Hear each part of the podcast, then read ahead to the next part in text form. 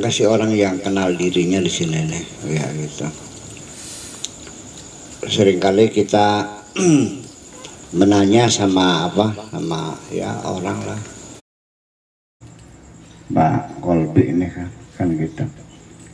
Ketika saya nanya kamu siapa? Jawabnya apa?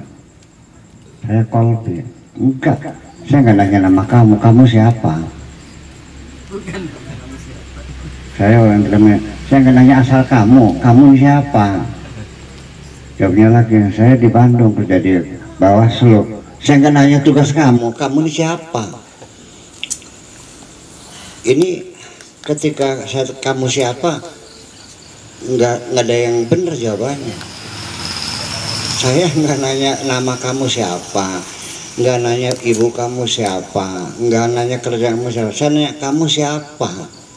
Ternyata nggak ada yang tahu adapun yang kita lihat ini ini jasadnya. Ya kan gitu. Orangnya putih cantik lucu ya. Terus iya. Nah itu kan jasadnya.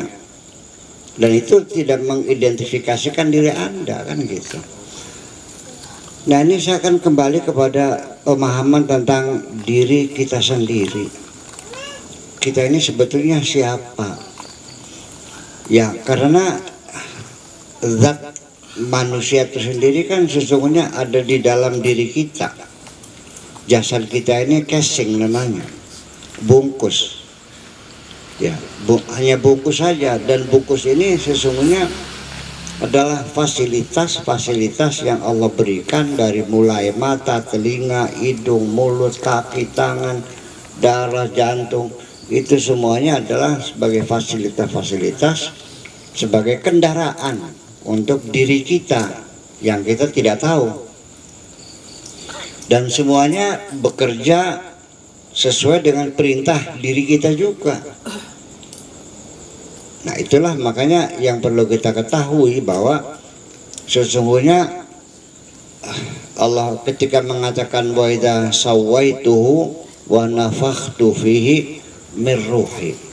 Dan setelah bentuknya kusempurnakan sudah ada mata ada telinga.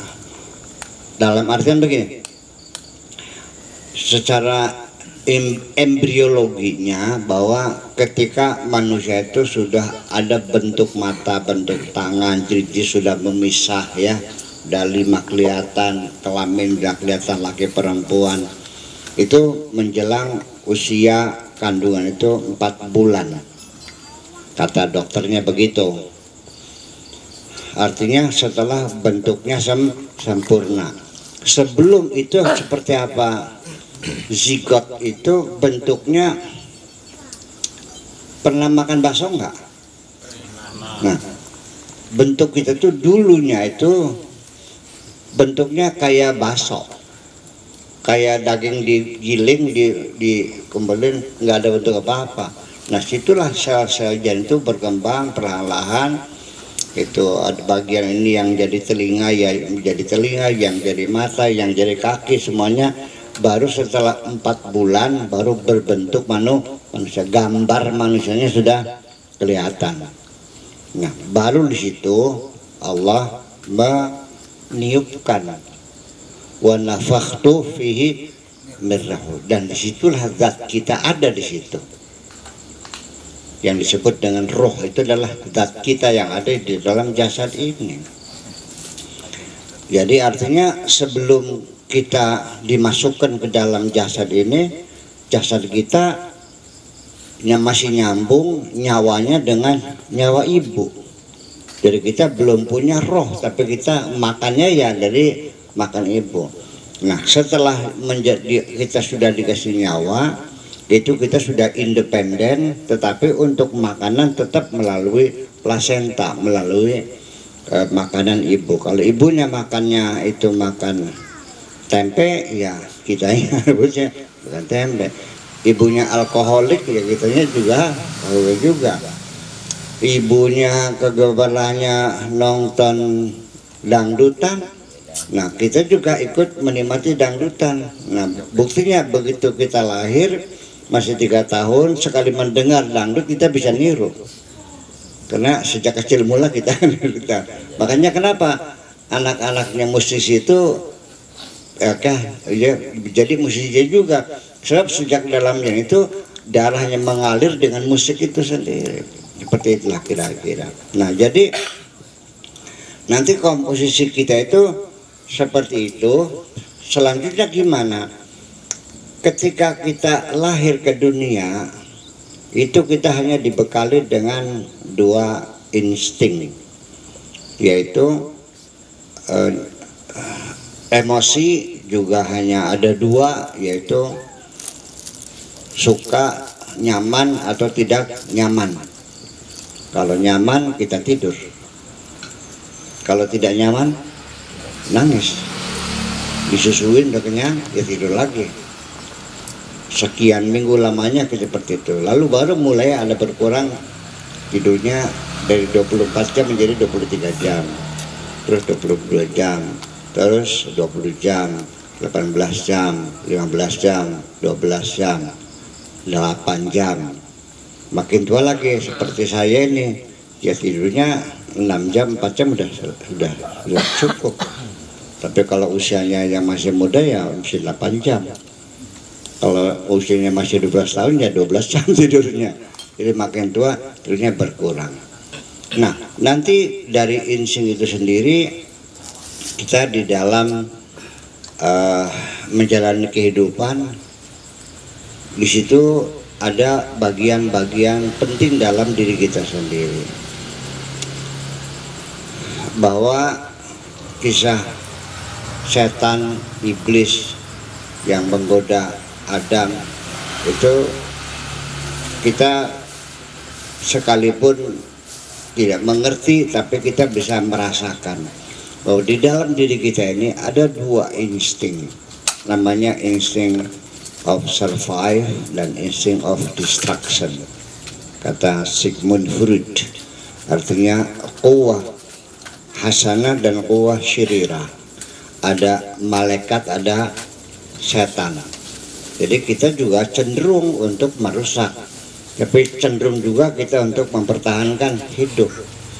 Buktinya apa? Kalau kita marah suka mecahin piring nggak? Banting pintu nggak? Sama istri suka napok nggak? Nah, itu ada gitu. Jadi ada insting menghancurkan, insting mempertahankan hidup, insting of love, insting cinta, cinta kebencian. Itu di dalam diri kita itu semuanya ada. Nah, Kemudian secara jasad kita sendiri ini perlu ada pengontrolan semuanya.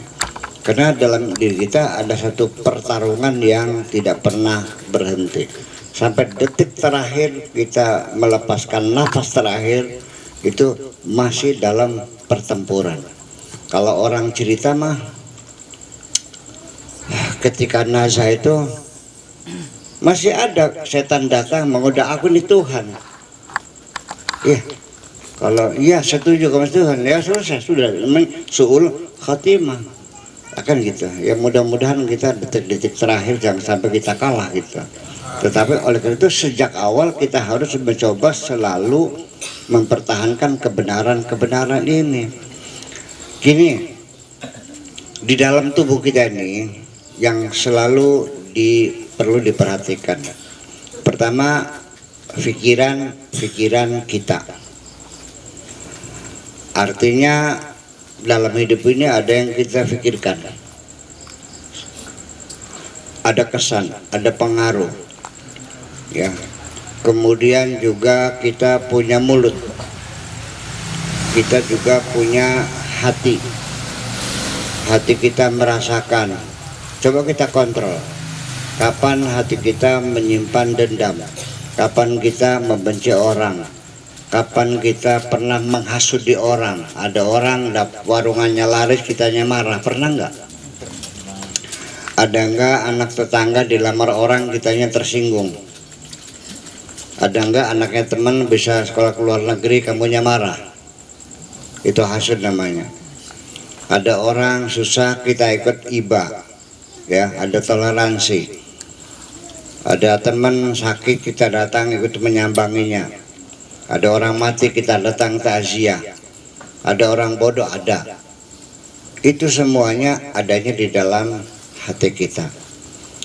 Mulut kita apa? Semua pikiran-pikiran kita itu kan dikomunikasikan melalui mulut mulut kita mulut kita akan menyatakan apa yang kita inginkan apa yang kita pikirkan tetapi ada yang keempat yaitu kebutuhan biologis kita. Perlu makan, perlu minum. Ya kan gitu, perlu obat, perlu kawin, perlu ini, perlu ini. Banyak sekali. Mungkin kalau itemnya kita kumpulin mungkin ribuan item kebutuhan kita ini. Semuanya harus memenuhi. Perut kepengen makan, dikirim ke otak. Otak berpikir bagaimana cari duitnya, usahanya apa, bikin apa, dagang apa. Betul gitu Nanti kita kita dagang, ada hal-hal yang kesempatan kita curang, hati kita mengatakan jangan. Itu semuanya terjadi pertempuran yang sangat rumit sekali. Nah, kemudian pada dasarnya nanti ada namanya segitiga, yaitu dalam proses nanti ini semuanya lahir secara alami otak kita setelah lahir bisa meningkat gak? Meningkat kalau belajar. Kalau enggak, ya enggak. Perasaan kita juga sama. Kalau tidak belajar, ya kita seperti binatang juga. Anak juga dimakan sendiri. Ada ke binatang makan anak sendiri? Iya. Manusia ada nggak ya makan anak sendiri? Ada, ada dimakan sendiri anaknya kan nggak tahu. Itu kan karena demikian. Nah, bisanya pikiran kita menjadi cerdas ada pembelajaran jadi Allah memberikan insting itu dasarnya seperti itu tetapi nanti perkembangannya ditentukan melalui proses uh, iktisab makanya ghoriza itu ada ghoriza asliya ada ghoriza muktasabah artinya insting yang diupayakan dididik kalau kita dulu tidak pernah dicebokin orang tua mungkin sampai sekarang kita nggak tahu cebok kalau orang tua tidak mendidik kita berbahasa, mungkin kita bicaranya kayak anjing juga gonggong. Ya. Kalau kita tidak belajar dengan hati kita mengenal norma-norma yang ada, kita yang menjadi ya primitif ya seperti itu. Semua dimakan, ular dimakan, semuanya dimakan. Nah, itu semuanya ada proses namanya segitiga itu, yaitu adanya murid, ada mursyid dan ada manhaj kadang-kadang gurunya bagus muridnya cerdas bagus tapi manhajnya nggak bagus sehingga akhirnya pendidikan tidak ada tidak ada perkembangan yang berbodoh baik muridnya bagus gurunya nggak bagus ya nggak tercapai juga gurunya bagus, muridnya nggak bagus. Gurunya syekh, ala falim, alama dan sebagainya, muridnya on Tetap aja. Nah, sehingga itu terutama dari mana? Mursyid itu bukan hanya seorang guru saja tapi juga orang tua guru di sekolah masyarakat. Itu semuanya akan memberikan nilai-nilai kepada kepada kita.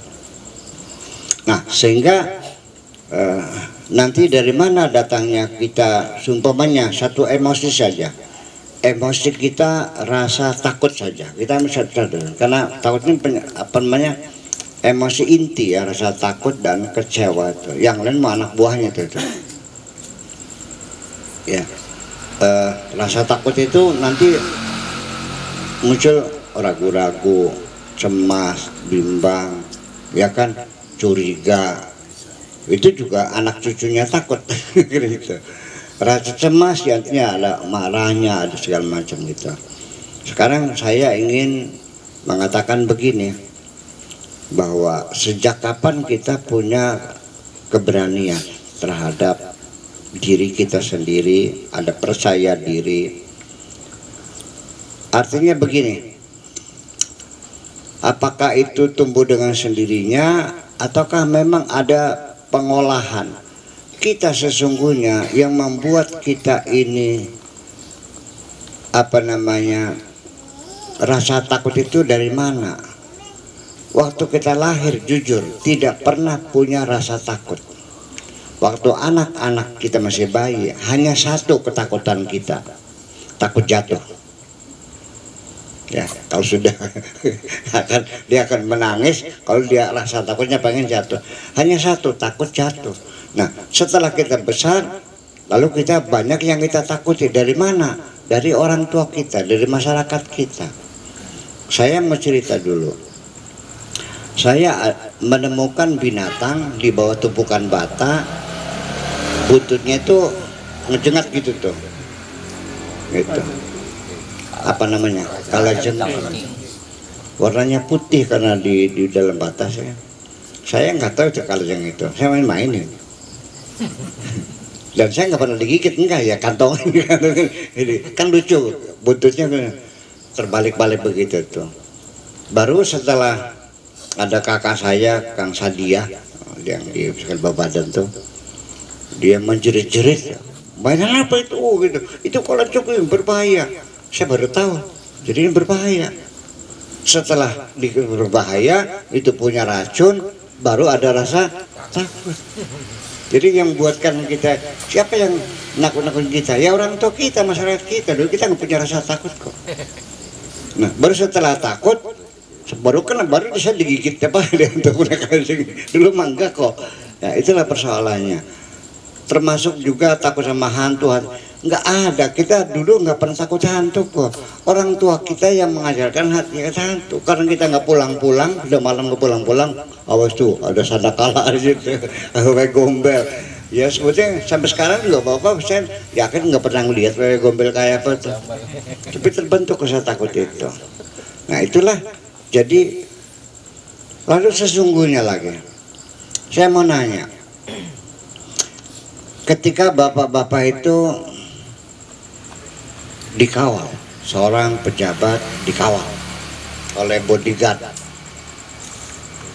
Bodyguard lima orang bawa pistol. Berani nggak dia pergi keluar? Ini karena ada bodyguard okay. orang yang dulu dengan kesombongan intelektual tidak mengatakan apa itu sihir itu bid'ah semuanya itu apa itu semua bohong itu setan jin nggak ada itu semuanya okay. itu hanya kesombongan intelektual tetapi sudah terekam dalam pikiran dia rasa takut itu sebetulnya ada cuman ya kesombongan aja nah nyatanya ketika dia melewati kuburan bulu romanya meremang-remang gitu perantang perinting perantang perinting akhirnya balik lagi kok Kenapa? Takut. Katanya nggak ada. Jadi banyak kali orang mengatakan tidak ada, tapi ternyata takut juga. Nah, ketika dia rasa takut semacam itu, akhirnya ditemani oleh 10 orang bawa patromak lima, bawa genjirin lima. Lewat kuburan yang besar tuh. Patromak lima, genjirinya lima, sama tolak al badruannya. Hilang rasa takutnya? Hilang, karena merasa banyak temannya. Tapi hilangnya rasa takut itu itu palsu. Kepercayaan dia ada yang melindungi itu palsu sesungguhnya. Pengen tahu buktinya? Andai kan betul-betul ada macan. Mau. Ini 10 orang yang awal dia pada lari nggak? Menyelamatkan dia enggak enggak kok ujung-ujungnya enggak tetap akhirnya yang menyelamatkan hanya Allah kok jadi dari mana rasa takut kita? Rasa takut kita itu sesungguhnya adalah karena kita merasa sendirian sebetulnya. Ketika kita banyak temannya takut enggak? Ya enggak. Jadi yang menghalau ketakutan kita karena kita merasakan ada orang lain yang bisa menolong kita. Ternyata itu palsu. Nah makanya selagi kita masih meyakini bahwa kita tidak pernah sendirian di dunia ini kita selalu bersama Allah yang menolong kita yang membela kita maka tidak mungkin fala khaufun alaihim walahum yahzanun. Waliullah itu orang kekasih Allah yang yakin ke mana saja selalu bersama Allah maka tidak mungkin ada rasa takut aina ma tuwallu wujuhakum fatama wajhullah menghadap ke mana saja selalu wajah Allah yang ada. Ketika kita sendirian dengan siapa? Ya dengan Allah. Malah kita ke mana saja ada dua malaikat yang selalu standby di samping kita. Namanya Rokib dan Atib yakin nggak? Lah kenapa anda takut? Karena anda nggak yakin bahwa ada yang mendampingi kamu. Kan gitu. Dan ya kurang yakin bahwa yang melindungi dirimu adalah Allah juga. Di sini kita terjadi terombang-ambing karena itulah maka secara khusus dalam surat Al-Kahfi ya bahwa ketika kita berkumpul bertiga tidak tidak bertiga tapi kita berempat.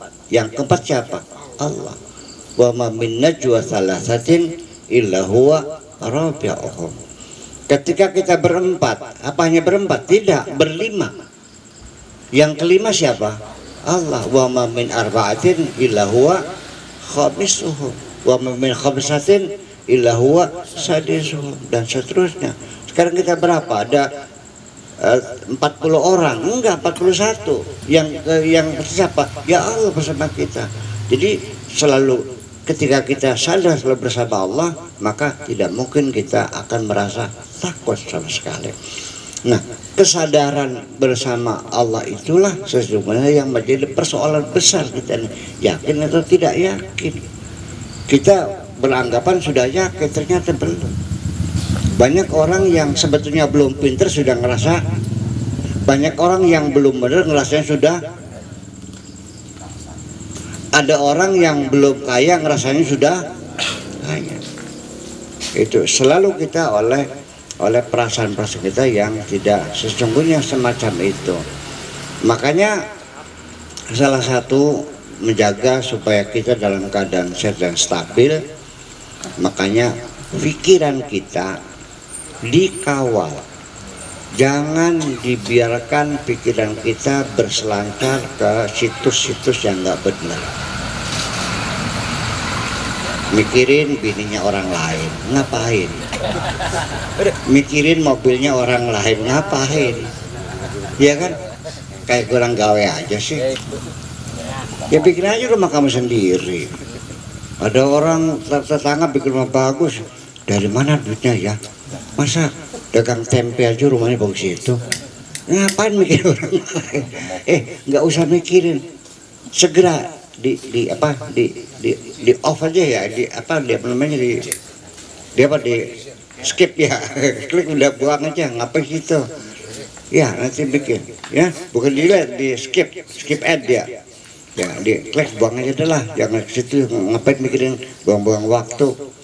Nah, pikiran kita yang bermacam-macam kecurigaan penasaran pengen tahu intervensi sama urusan orang lain begini kita ini dalam menjaga pikiran kita dan perasaan kita. Seperti kita nonton bioskop. Pernah nonton bioskop? Orang nonton bioskop itu macam-macam tuh.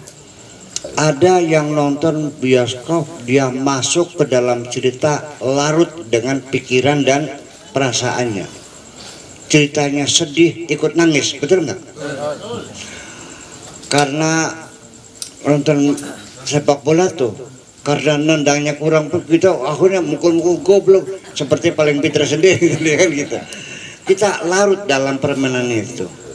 Ya kita seperti kita menjadi pemain sendiri itu. Ya kan begitu karena dia merengek-rengek meminta cinta gitu. Ditolak. Goblok. Udah urusan apa nih kamu cantik kok nggak usah ini banyak udah. Ngantri loh. Ikut komentarnya ngapain gitu. Itu bukan bukan bukan urusan kita kan gitu. Ada lagi yang nonton? Sama sekali tidak pernah masuk. Kenapa? Sambil makan kacang. letak, letak. Dia, ya, ya, nonton ya tahu ceritanya, tapi dia tidak larut perasaan. Ya, oh cerita iya terus ini oh ini, ini.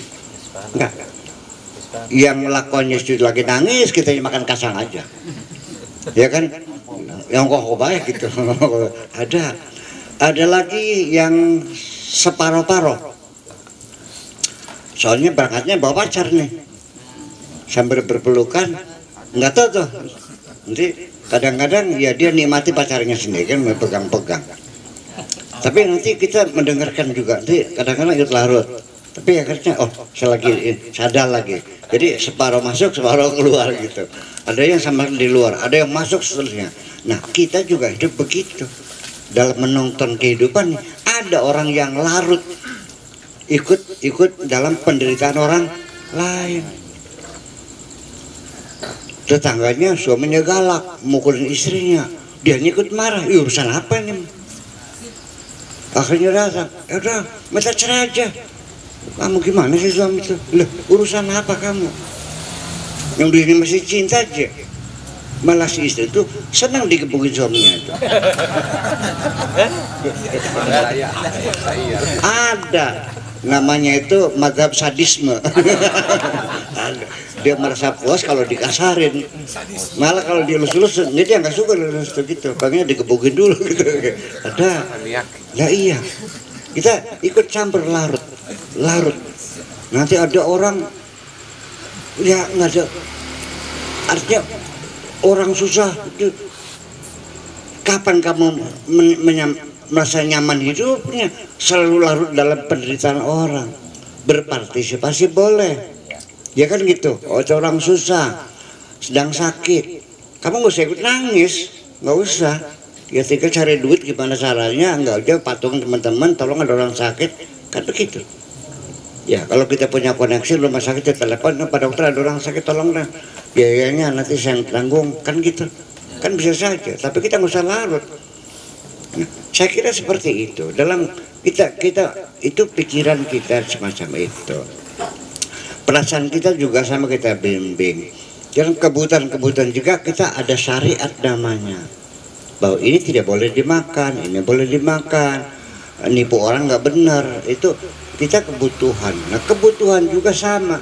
Kalau kita tidak membimbingnya dengan benar kita akan menghalalkan segala macam cara. Ya kan? Di malam hari berdua dengan cewek nggak ada orang lain di puncak. Ngapain? Ya kan? Nah, ketika orang ketika sedang kehajatnya sedang memuncak. Ketika di puncak sahwatnya secerdas-cerdasnya orang kalau sedang bersahwat jadi goblok. Dungu jadinya. Masa depan dia lupa. Anak istri lupa dan itu terjadi berulang-ulang. Nah makanya secara syariat kita dengan lawan jenis itu bukan tidak boleh berhubungan. Silakan. Ya kan gitu? Kita kerjasama kita kenal saling menghormati boleh. Tapi jangan terlalu intim intim banget. Ya. Menjauh tidak juga. Mendekat enggak juga. Yang penting jaga jarak jauh juga enggak dekat juga enggak. Tapi ada jarak-jarak psikologis. Makanya Al-Quran mengatakan bukan wala taz wala taznu tapi wala takrobul azina jangan mendekati perzinahan itu maksudnya jaga jarak. Karena apalagi anak-anak muda saya yang sudah kiai yang sudah tua juga kalau seandainya itu kita tidak jaga jarak sangat mungkin sekali saya juga terjerumus ketika berintim-intim dengan seorang perempuan yang cantik jelita mana tahan? Nah makanya jaga jarak aja dah. Nah itulah. Jadi itulah bahwa kita ini di dalam hidup dunia ini tidak semudah itu untuk mengenali zat kita ini sampai sekarang belum jelas. Sibuk kita mikir kebutuhan sibuk kita orang lain sibuk kita menyimpan dendam dan kebencian sehingga kita jarang pernah merenungi diri kita sendiri. Nah acara kita nanti di hutan 40 hari itu kita ingin mengungkap sebetulnya kita ini siapa sebetulnya dan para ulamanya sekarang masih mempertanyakan nanti sholat Jumatnya di mana? Kayak kacau ini begini. Nantinya bagaimana? Hukumnya gimana? Ngapain?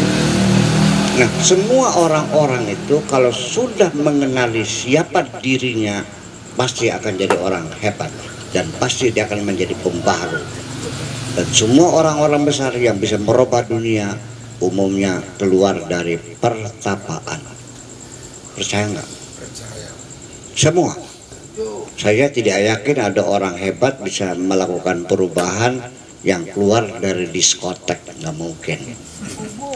Semuanya keluar dari pertapaan. Nabi Muhammad keluar dari gua Hira. Nabi Musa turun dari gunung Tursina Nabi Ibrahim dari padang pasir. Nabi Muhammad Nabi Idris dari lautan. Dari, dari hutan Nabi Khidir dari lautan. Soekarno dari Digul. Ya Nabi Yusuf dari penjara. Sama. Jadi Nabi Yusuf dan Bung Karno dan pemimpin-pemimpin yang lain apa Napoleon Bonaparte apa Alexander the Great itu juga sama. Uzlah sukarela atau uzlah dipaksa? Nabi Yusuf memilih dipaksa. Kalau asijnu ahabbu ilayya mimma lum tunani lebih baik aku masuk penjara saja. Di penjara dia nyaman kok. Itu jadi dipaksa. Nah itulah makanya kita ke depan perlu banyak merenungi diri kita sendiri. Cobalah kita eh, dalam hidup ini jangan kepengen tahu orang lain jangan kepengen tahu cobalah munculkan kepengen tahu tentang dirimu sendiri. Makasih. Assalamualaikum warahmatullahi wabarakatuh